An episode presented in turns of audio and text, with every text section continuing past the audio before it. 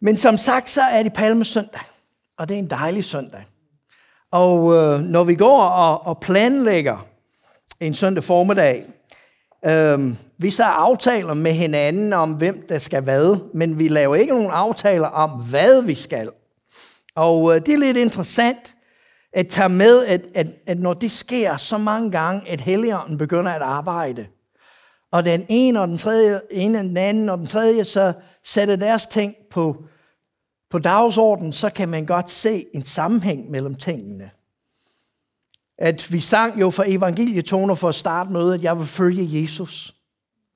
Og så Rasmus' ord, indledningsord om det skiftende vejr, men at lyset kommer.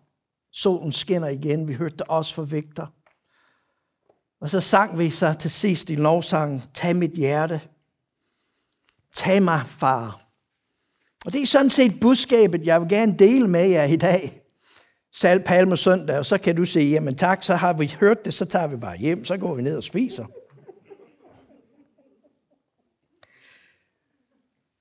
Men når du hører Guds ord, og når du oplever Guds fællesskab, så er det altid profetisk ind i vort liv.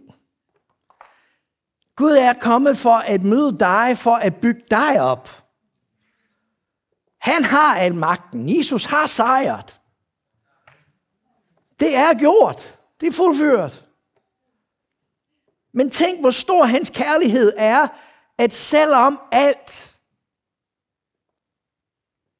er gjort, han har taget stadigvæk tid til at møde op for at møde dig.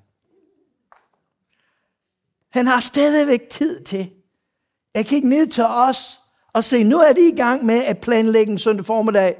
Lad mig lige sætte tingene på plads, så jeg kan tale til mit folk. Jeg synes, det er fantastisk. Jeg synes, det er en vidunderlig oplevelse at opleve, at Gud han møder os, fordi han elsker os, fordi han vil gerne, at vi forstår, at hvis vi følger ham, med alt vi har, ligegyldigt hvad vi kommer ud for, fordi det vil være gode tider, der vil være dårlige tider. Sådan er livet. Men han har sejret over dødens magt. Og solen vil skinne igen. Han vil komme og sætte os fri. Han vil komme og møde os. Det eneste, han beder os om, det er at give os fuldt ud til ham. At ikke holde noget tilbage. At give ham vort hjerte. Giv ham alt. Ud fra den tanke, at Gud, jeg, til, jeg stiller ikke betingelser eller krav eller noget som helst. Jeg vil bare give dig mit liv. Gør med mig, som du vil. Bare møde mig. Bare møde mig. Lad mig opleve dit rige her på jorden. Lad mig opleve, hvad det er, du taler om, når du taler om, at Guds rige er kommet nær Jesus. Lad mig opleve Guds måde at se livet på. Guds måde, Guds måde at, at, at vi skulle leve livet på. Guds kærlighed. Jeg har fået nok af verdens kærlighed. Verdens kærlighed er altid fristende i begyndelsen. Jeg fik snakket med min bror i går, og han fortalte mig, at der er en, som vi har kendt i rigtig, rigtig mange år, som lige pludselig forlod konen og familien, fandt en anden. Og så sagde han noget meget interessant. Det rørte mig. Men han sagde til mig, han sagde, ved, du, ved du hvad, jeg har været i det her job, han har været biskop for, for 350 menigheder i Florida i 25 år. Der er 1500 præster, som er under ham. Han sagde, jeg har snakket med rigtig mange igennem årene, som har gjort noget. Men jeg sagde, ved du hvad, jeg har aldrig nogensinde snakket med en af dem, når der er gået fem år, der har sagt, jeg er glad for, at jeg gjorde, hvad jeg gjorde. Tænk over det et øjeblik. Jeg siger, ved du hvad, synden er så fristende. Her er nu. Men om fem år, så synes det, ej, jeg skulle aldrig have gjort det. Men det er det, Gud vil. Han vil gerne komme og møde os midt i det, som vi står midt i fristelsen. Led mig ikke i fristelse, men fri mig fra det onde. Lad mig ikke blive fristet af denne verden, Gud. Lad mig ikke blive ledt af fristelse. Men lad mig lære at leve i frihed. Fri mig fra det onde. Vil du leve et liv, hvor du er ledt af noget? Eller vil du leve et liv, hvor du er sat fri? Jeg vil vælge frihed. Johannes han skriver palmesøndag-teksten i, i den 12. kapitel i evangeliet. Og det er interessant med Johannes, det er, at folk har fundet ud af, at Johannes rent faktisk har beskrevet, hvordan Gud skabte universet. Fordi når du læser Johannes evangeliet, han har 21 kapitler. Ikke? I den første kapitel, så tager han hele skabelsens værk. Ikke? Og så flytter han med det samme igennem al den tid, indtil når Jesus kommer. Og så har vi de kapitler, hvor Jesus er midt i blandt os, og så kommer han så til den 12. kapitel, og så kommer han så endnu mere langsomt ind i talen. Og det sidste 10 kapitler handler om en uge. Så han er gået fra begyndelsen, igennem alle de år, indtil tre år, og så ind til en uge. Lidt interessant. Videnskabsmænd fortæller os jo, at universet vokser hele tiden. Og de tror, at på et tidspunkt, at den eksploderer så meget, at det begynder at gå mere langsomt. Det kan de måle. Og så er de begyndt at spørge sig selv, hvad sker der, når, hvis det går i stå? Og jeg kan godt fortælle dig, hvad det sker. Så falder det ind på sig selv igen. Og så er Gud der. Fordi så er ordet. Og ordet var hos Gud. Og ordet er Gud. Og når alt andet er væk, så er det ordet. Og så eksploderer det igen. Det er livet. Men Johannes han skriver palmeteksten fra, fra Johannes evangeliet 12. kapitel, og jeg tager fra vers 12. Og næste dag, han har lige kommet fra Lazarus, han har besøgt Lazarus, han er på vej ind til Jerusalem. Og næste dag hørte, han, hørte den store folkeskare, som var kommet til festen, at Jesus var på vej ind til Jerusalem. Og de tog der palmegrenen og gik ham i møde, og de råbte hos Anne. Velsignet være ham, som kommer i Herrens navn, Israels konge. Jesus fik fat på en ung æsel og satte sig på det, sådan som der står skrevet, frygt ikke, Sions datter. Se, din konge kommer, redende på et æselsføl. Det forstod hans disciple ikke straks. Men da Jesus var herliggjort, kom det i tanker om, at det, der var skrevet om ham, og at det var det, man havde gjort med ham. Har nogensinde oplevet noget sker, og du forstår det ikke før bagefter? De forstod disciplene ikke straks. Husk lige på, Johannes var en af dem. Ikke? Johannes siger til os, jeg forstod ikke, hvad der skete. Jeg troede, han bare kom ind i Jerusalem. Vi troede jo. Vi troede, at han ville gøre noget helt andet. Og se, spørgsmålet er, Jesus, hvor skal du hen? Altså, vi, vi, vi tror, og vi tænker så mange gange, vi ved, hvor Jesus skal hen. De tog palmegrenene, fordi det var et gammelt testament, øh, testamentets tegn på, symbol på, at der var genoprettelsestid. Det er derfor, man tog palmegrenene. Fordi det var genoprettelsestid. Nu vil han genoprette Israel. Han vil genoprette Israel. Messias er kommet. Vi råber Hosianna, det betyder frelsen. Frelsen kommer. Kongen kommer.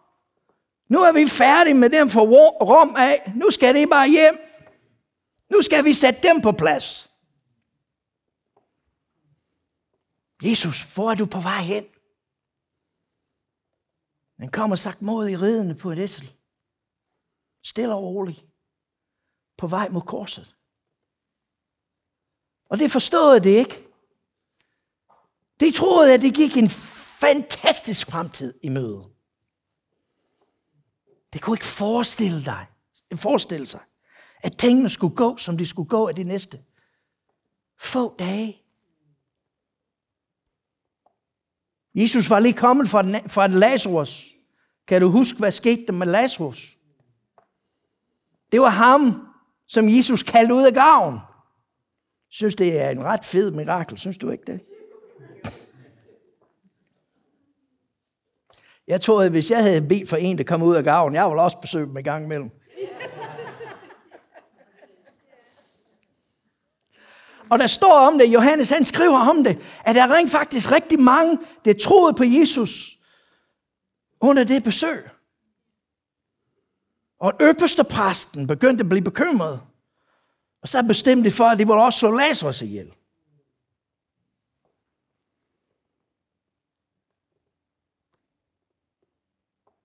Men Jesus, hvor er du på vej hen? Hvad har du i tankerne? Du besøger Lazarus. Du har kaldt ham frem. Er det den måde, du vil genoprette Israel? Er det den måde, som du vil vinde sejr for os? Er det den måde, du vil være konge? Jesus, hvad er det, du prøver at sige til os? Hvor er vi på vej hen? Og Johannes jo, han skriver evangeliet lang tid efter alt det her er sket. Og Johannes, efter han havde forstået, hvad der var sket, citerer Zacharias. Det var det, der skete. Det var det, der skete. Nogle gange, når vi står midt i det, vi går igennem, så er det svært at forstå, hvad det er. Det er svært at forstå, hvorfor det skulle til. Det er svært at forstå. Og det er først bagefter, når vi kigger tilbage på det, og vi siger, og vi oplever, Gud, du var rent faktisk i gang. Du var rent faktisk i gang med at arbejde i mit liv. Jeg troede, at jeg skulle det og det og det. Men jo mere jeg prøvede, jo sværere bliver det. Mere op og bakke blev det. Jo tungere bliver byrden. Jo mere frustrerende blev tingene. Men nu forstår jeg, at du prøver at gøre noget andet. Jeg tænkte mange gange, at jeg håber, og jeg beder, at når den dag, jeg står foran Gud på dommerdagen, at han ikke kigger på mig og siger, kære ven, du gjorde din bedste. Du gjorde din bedste. Du forstod ikke en pind af det, jeg havde i gang i, men du gjorde, hvad du kunne. Det kunne godt være, det sker på den måde. Bare han siger, kom ind, jeg er lige glad. Men vi har så mange planer, vi har så mange idéer. Vi har så meget i vores hoved, hvordan tingene skal være eller skulle være. Men Johannes, han citerer Zacharias. Zacharias, han er en spændende profet. Fordi han er en profet jo, der bor oppe i Iran, i Susa. Det er tiden lige efter, at Nehemias og Esra og Babel kommer tilbage til Jerusalem for at genopbygge hvad? Byens mure og templet. Ikke? Det er Nehemias, der får befaling fra kongen om at gå tilbage og genopbygge, øh, genopbygge Jerusalem. Og så er der gået så 15-20 år, og så kommer så Zacharias på banen. Zacharias, han er Idos barnebarn. Han er søn og søn af Ido. Ido var den øverste præst for Israel i Susa. Så han var af præstefamilien. Han var af øverste præstens familie. Og det havde en stor betydning for Israel. Og Zacharias, han er en rigtig spændende profet, fordi han minder os om, pas på, hvad du har gang i i livet. Hans budskab til Israel, hans profetiske ord til Israel er, pas på. Følge Gud. Giv ham dit hjerte, og han vil være med dig. Hans budskab til Israel, det er, omvend jer. Indordne jer. og få Helligånden som gave. Zacharias er den profet i den gamle testamente, der taler om Guds ånd. Han taler om, at Gud vil møde os med sin ånd. Peter, han siger det på en anden måde på pinsedag. Når de spørger Peter, efter han er forkyndt, han, de spørger ham, hvad skal vi gøre? Og hvad er det, Peter? Han siger, omvend jer, bliv døbt for Helligånd som gave. Det er Zacharias' budskab. Omvend jer. Indordne jer. Gå ned i noget. Bliv dykket ned i noget, indtil du bliver forvandlet. Og når du er blevet forvandlet, så vil Guds ånd komme. Så vil han fylde dig med sin ånd. Zacharias han siger til Israel, pas på med det der med at bygge mur og templer. Fordi Gud har ikke brug for mure og templer. Han er ikke imod det. Han siger bare, pas på, hvad du har gang i. Fordi hvad Gud vil, at Gud vil have dit hjerte. Gud vil have, hvem du er. Fordi hans rige er ikke i en bygning. Guds rige er i dig og mig. Guds rige er os. Og det er Zacharias, der minder os om det. Han minder os om, at Guds rige er os. At hans ånd vil følge os. Når vi er blevet forvandlet, hvis vi vil vinde os om og kalde på ham. Hvis du vil følge Jesus, så vil solen skinne igen. Og vi skal bare give ham vort hjerte. Det er det, Gud vil for os. Og i Zacharias, som Johannes citerer i den 9. kapitel, han er i gang med at profetere om genoprettelse af Davids rige. Genoprettelse af, hvad Gud vil for os alle sammen. Og han skriver sådan, for vers 8.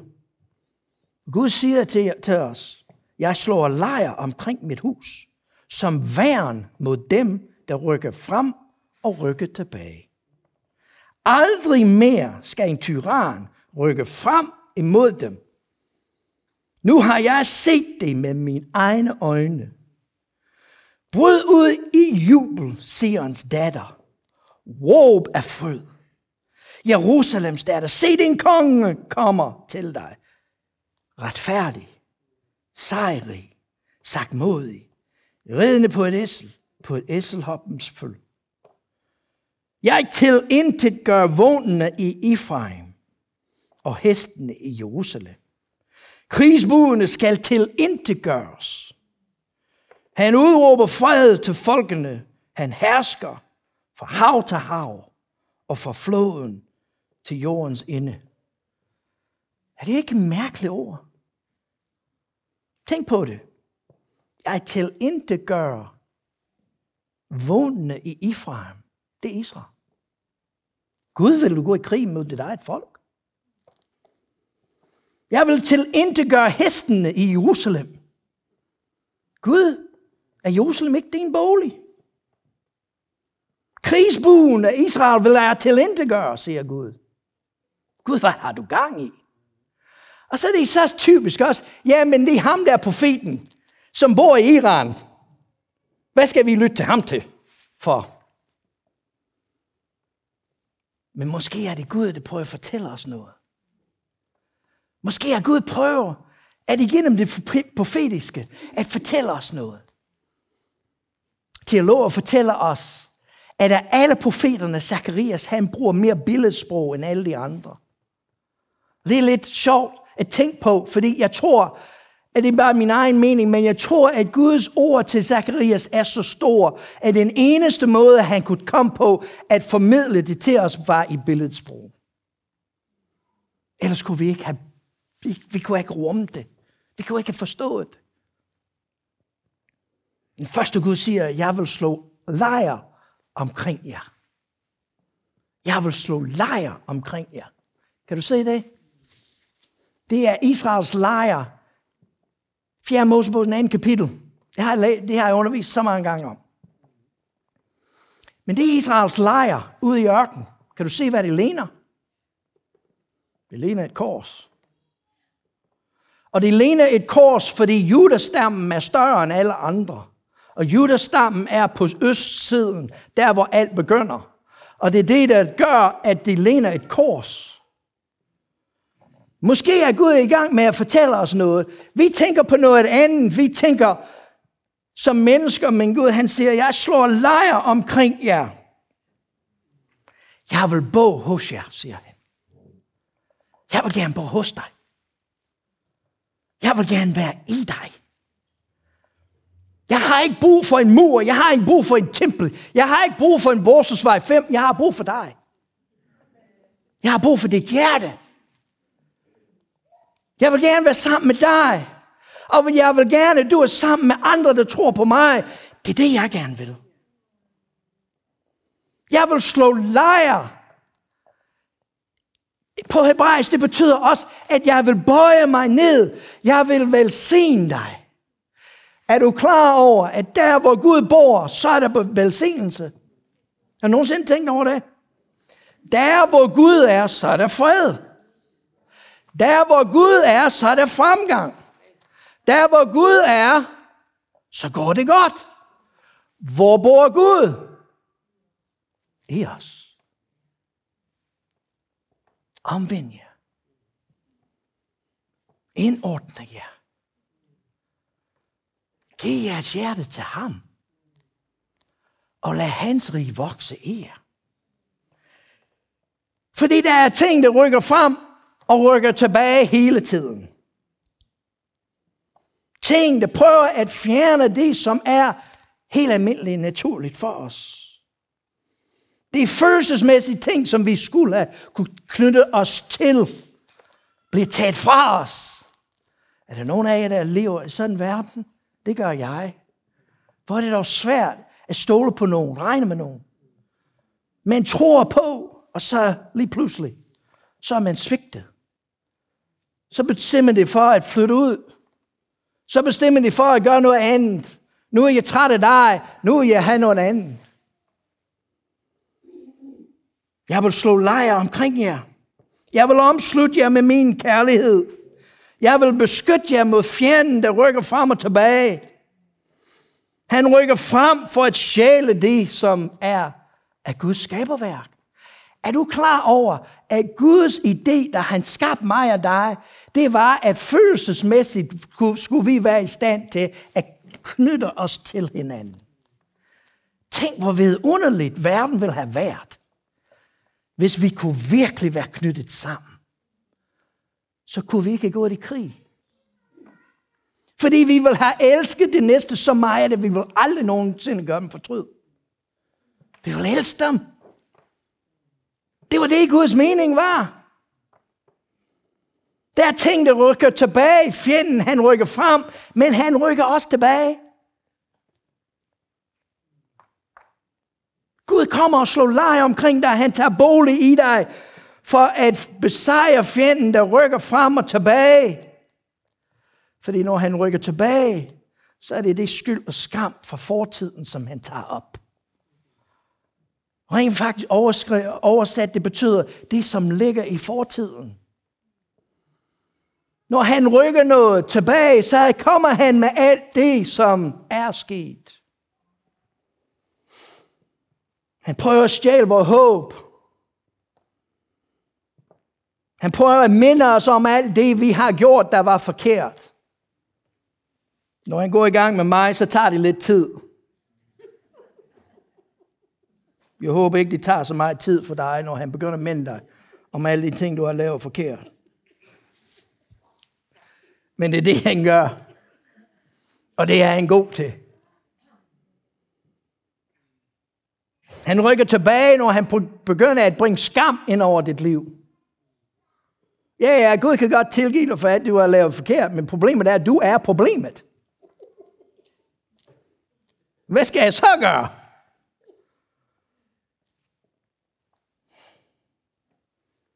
Er der ingen tilgivelse, så er, hvis jeg har problem med, hvad skal Gud gøre? Slå mig ihjel? Gud, vær mig nådig.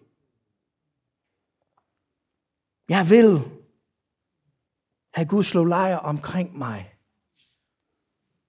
For det er der, hvor han er, så er der fred. For det er der, hvor han er, har fjenden ingen magt.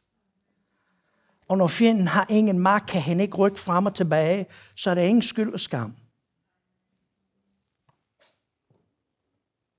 Så er der mulighed for at opleve livet, som han gerne vi skulle. Hvor konge Jesus, han kom ridende på en hest, på en æsel, på en æselhoppe. Han kommer ridende, siger Zakarias. Han kommer ridende. Det er noget, der kommer ind til os. Det betyder også, at noget er løftet op i os.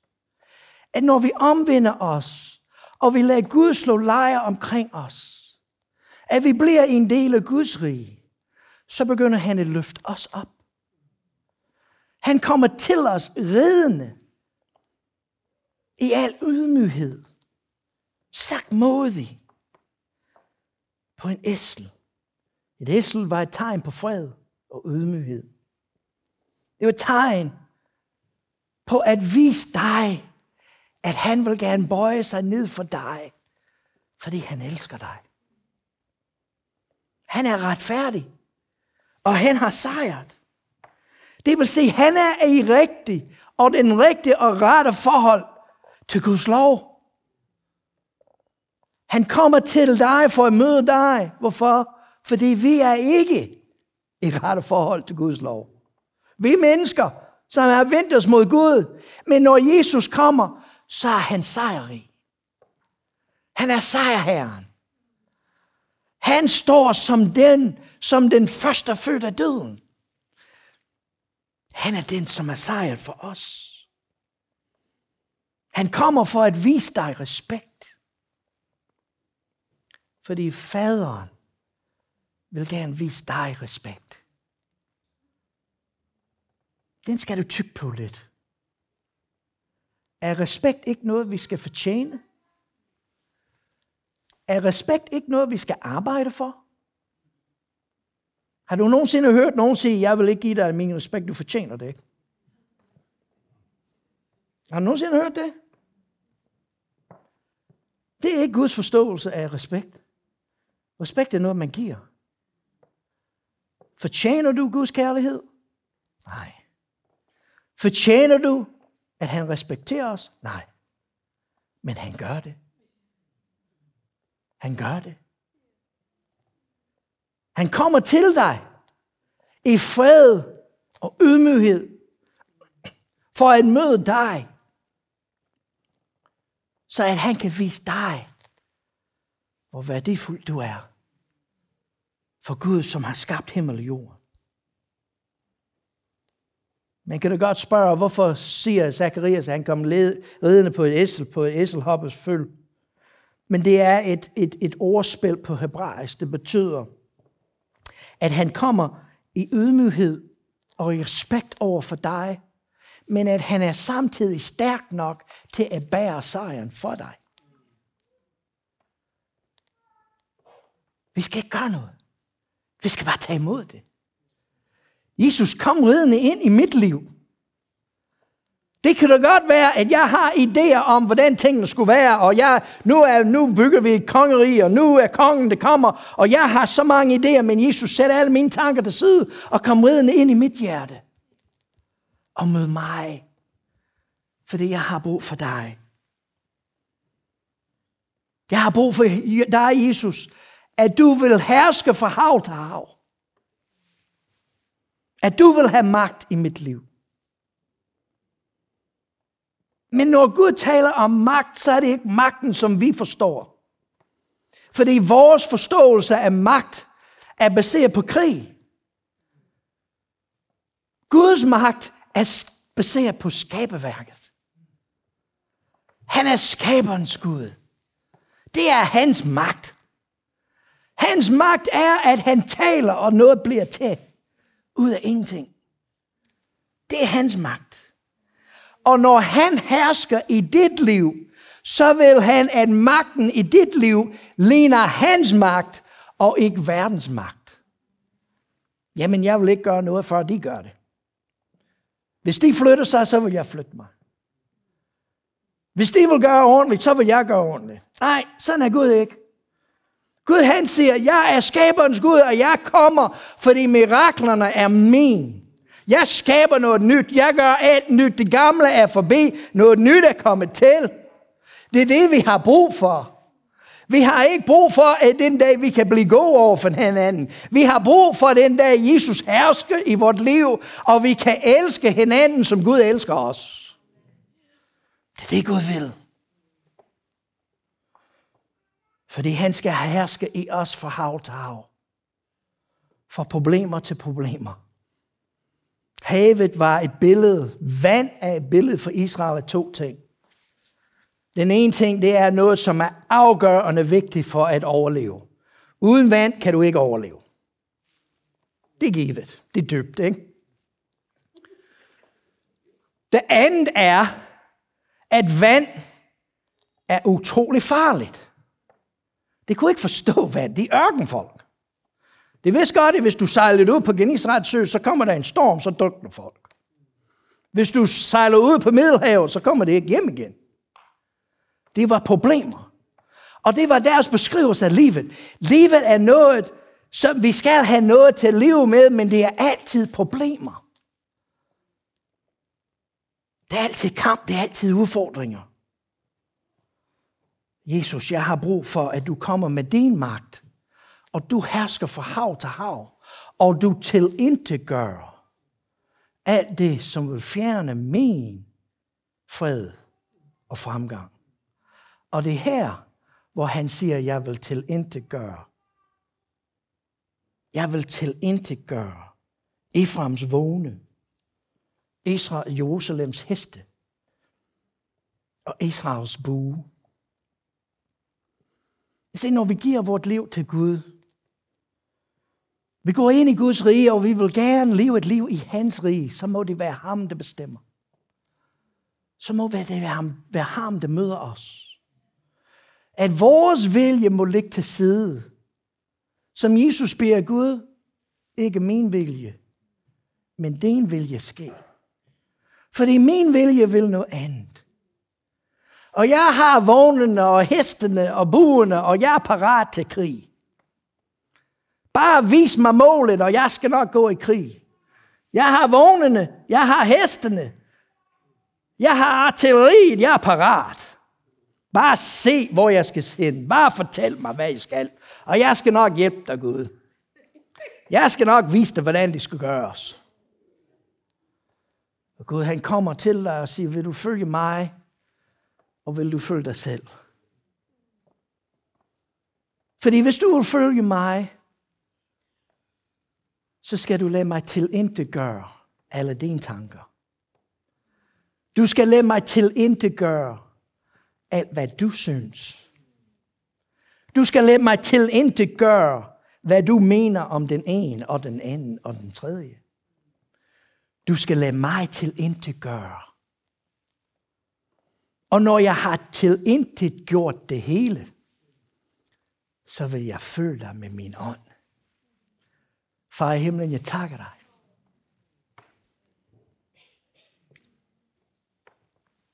Jeg takker dig, fordi du har elsket os så meget, at du sendte os Jesus Kristus. Din enborne søn. For at vise os kærlighed. Gud, vi har svært ved at forstå det. Hvordan kan du kalde det kærlighed, når du sender din søn for at dø? Det er ikke kærlighed, som vi forstår det. Men det er kærlighed, som du forstår det. Fordi du er skaberens Gud. Og du vidste, at det intet kunne tage hans liv.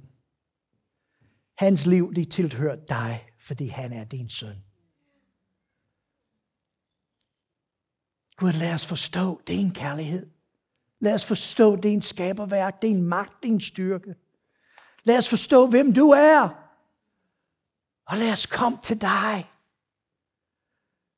Lad os omvinde os og overgive os til dig, og lad dig slå lejre omkring os. Kom til os med din fred og din kærlighed. Jesus, kom ind. Med den respekt og den ydmyghed, som Gud er. For at vise os, hvor dyrebare vi er for ham.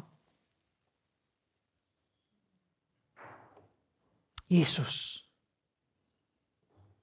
kom ridende ind i vort liv i dag og til intet gør alt. Det ikke tilhører Gud den almægtige. Jesus, i den uge, vi går hen mod påske, lad det være en tanke i os. Gud til gør alt, som ikke tilhører dit rige. Fordi jeg vil søge først dit rige. Og jeg vil søge først din retfærdighed. Og så vil jeg opleve, at Guds ånd kommer over mig, og alt andet er givet mig tilgift. Gud, det er det liv, jeg gerne vil leve. Så det er derfor i påskeuge, far, jeg vil lovprise og lovsynge dig. Jeg løfter min palmegren i dag, Jesus, fordi du kommer ridende. Og jeg vil synge Hosianne, min false er kommet. Min frelse kommer ridende ind i mit liv. Åh, oh, Jesus, tak. Tak, fordi du kan se bort fra alle mine tanker, og alle mine planer, og alle mine meninger, og alle mine synspunkter. Og du skærer igennem, og du møder os som mennesker. Jesus, tak for din kærlighed. Tak for det. Kom og forvandle os. Jesus, lad os blive døbt af din ild så vi er forvandlet til noget, som er brugbart for dig. Halleluja. Koramasikenimasukoru. Poramadidimasukoro. Mm. Åbne dit hjerte og lad Jesus komme ridende ind i dag.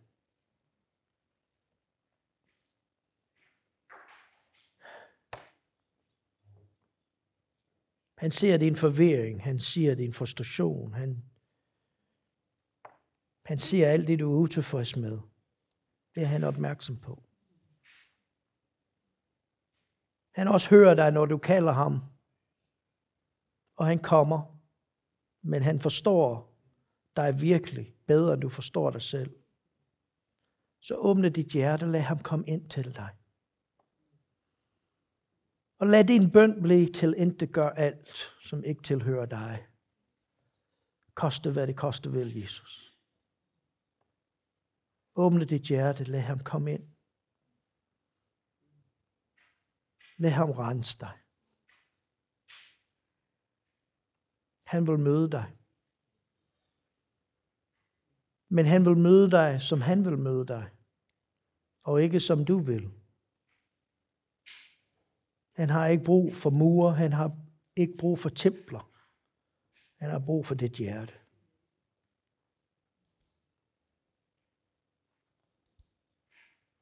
Jesus, jeg takker dig, og jeg priser dig. Og jeg beder dig om, at denne påskeuge bliver en påskeuge, som er anderledes end alt andet, vi har oplevet. Kom og mød os, Jesus forvandler os. Gør noget nyt. Bryd mørkets magt i os. Lad solen skinne igen. Jeg beder. Amen. Lad os alle sammen rejse os.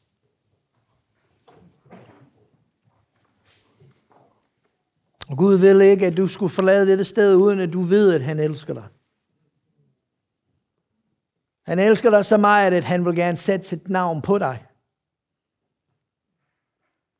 Han har givet os Jesus Kristus, der døde på et kors,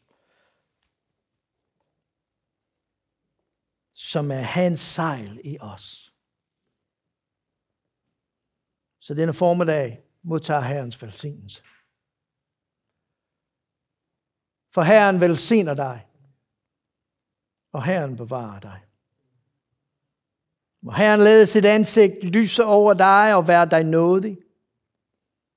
Må Herren løfte sit åsyn mod dig og give dig fred. Amen.